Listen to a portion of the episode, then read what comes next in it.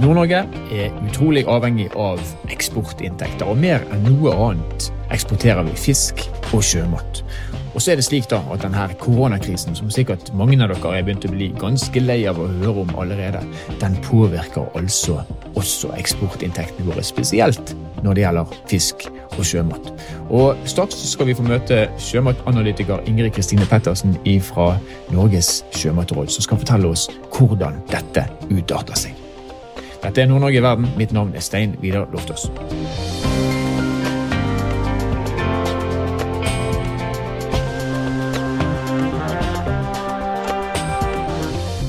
Koronakrisen den fører til mange ting når det gjelder økonomi. Den gir eh, også en lavere krone. Og En lavere kronekurs er bra for noen, og så er den dårlig for noen. Og Nå har vi med oss eh, analytikere fra Norges sjømatråd, Ingrid Kristine Pettersen. Og velkommen til oss, Ingrid. Takk for det.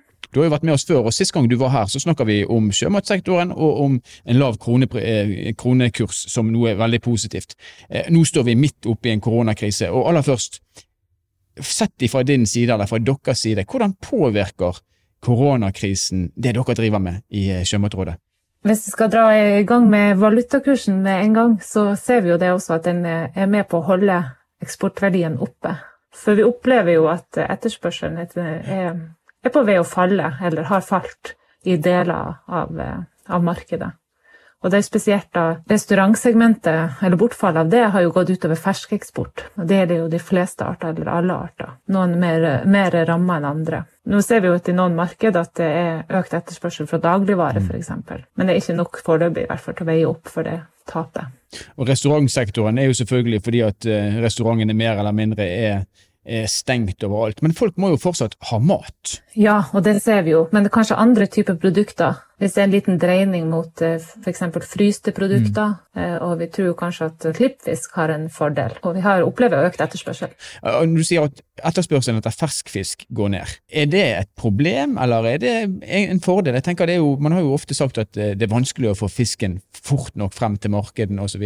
Det er jo negativt at etterspørselen etter et høyt betaltlandes produkt som ferskfisk i mange markeder er, faller bort. Men Det betyr i praksis at man i større grad da fryser fisken før man, før man selger den? Det Signalene fra markedet er jo at etterspørselen etter fryste produkter har økt. Og de som kan, de vil nok gå over til mer innfrysing. Eh, mm.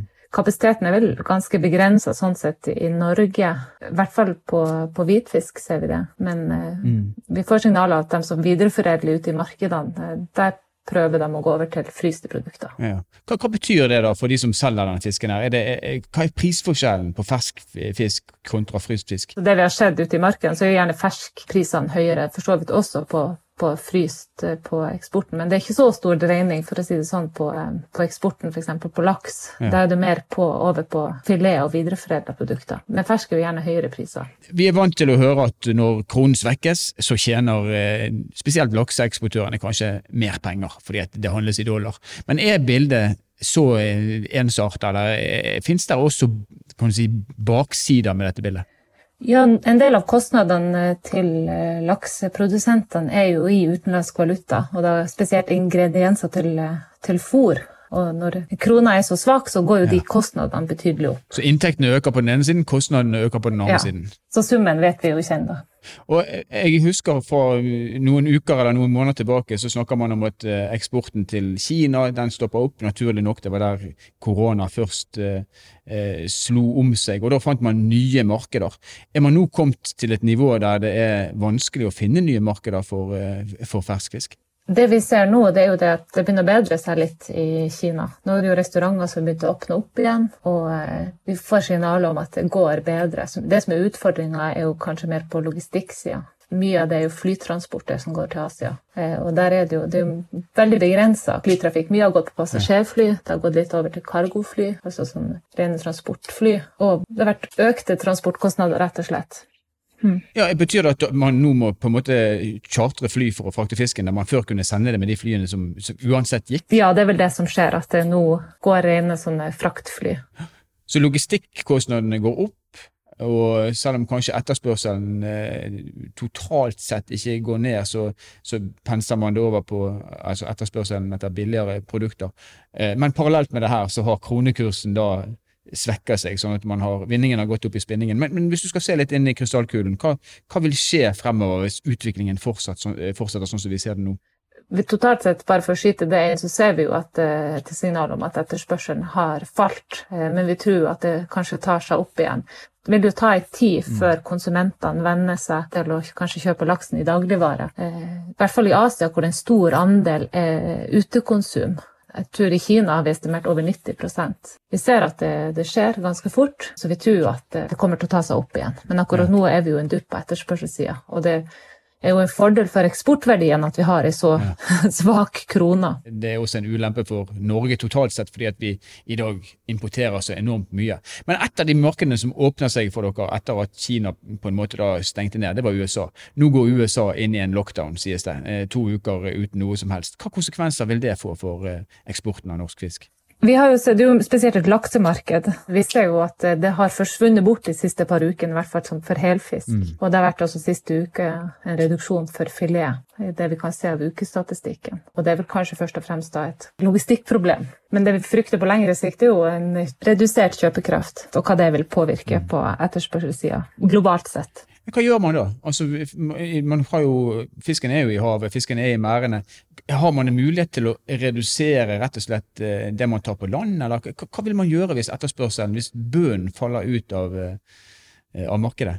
Det er jo opplagt at hvis etterspørselen eller markedet forsvinner, og tilbudet er på samme nivå som det alltid har vært, så vil jo det bety noe for prisutviklinga ute i markedet. Men vi tror jo ikke at markedet forsvinner helt bort. Det vil nok kanskje komme en, en liten dupp. Vi ser det jo nå med, med fallende priser i flere marked, ja. spesielt da til EU-markedet, som er det viktigste markedet. Hvor, hvor, stor, hvor stor, er eh, bort, bortfallet? Altså, hvor mye mindre fisk er det som eksporteres nå ut av landet i forhold til før krisen? Har du tall på det? Totaltallene på laks så er det jo faktisk økning i eksporten, eksportvolumene. Men vi ser jo at prisene faller, så det betyr et verdifall. Så på laks har vi stor grad fått ut ganske mye fisk. Mm. Eh, men det, har jo, det er jo sett månen kanskje under ett, mars under ett, men vi har jo sett volumfall de siste ukene. Jeg har ikke tall foran meg her for de siste ukene. Hva gjør Norges sjømatråd nå for, eh, for å dempe kan man si, den inntektssvikten som kan komme? Det er jo veldig mange av de kampanjene det som skal kjøres, og kanskje som blir begrensa i omfang. Vi har jo aktiviteter i markedene i, løpet av hele året. Litt variasjon mellom de ulike markedene. Men med lockdown og begrensning i mange marked, så er det selvfølgelig enkelte aktiviteter som faller bort. Så den viktigste jobben vi kanskje gjør nå, det er å overvåke og følge med og skaffe informasjon til næringa. Ha dialog med myndigheter og komme med anbefalinger, og, og i tett dialog både med næring og ja av myndigheter, både i Norge og andre land. Hva, hva med Norge, da, som, eh, som, sjømatkonsument? Vi har jo hørt eh, over mange år at uh, kanskje det spises mindre fisk i de tusen hjem. Er det en anledning til å få et oppsving på fiskemenyen i gamlelandet? Eh, ja, hva vi. Vi eksporterer 95% av alt det vi, sjømaten vi produserer. Så det er jo relativt lite sånn i, i det store bildet. Og vi ser jo også f.eks. på hvitfisk at eh, prisene har jo ikke falt noe særlig. Så vi ser på torsk i norske kroner. Og priser er jo ofte sett på som å være en årsak til at eh, konsumet har falt en god del. Men det kan jo tenkes at vi får en oppsving. Folk er jo mye mer hjemme nå. Så en slide er vel fra Sparebanken om at eh, oppskrift er noe av det som søkes mest på.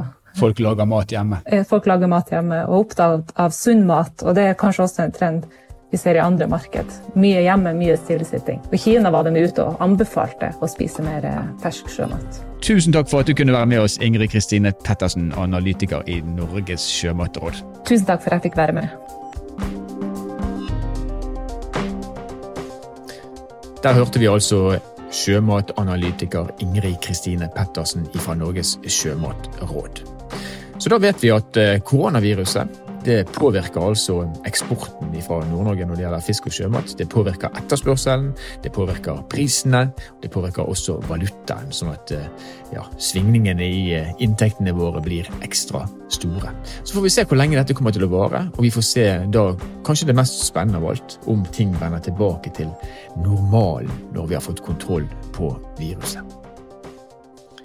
Nord-Norge i verden er produsert av Sparebank1 Nord-Norge i samarbeid med Helt Digital. Musikken du har hørt er laget av Emil Karlsen. Mitt navn er Stein Vidar Loftaas, og vi høres igjen i neste episode.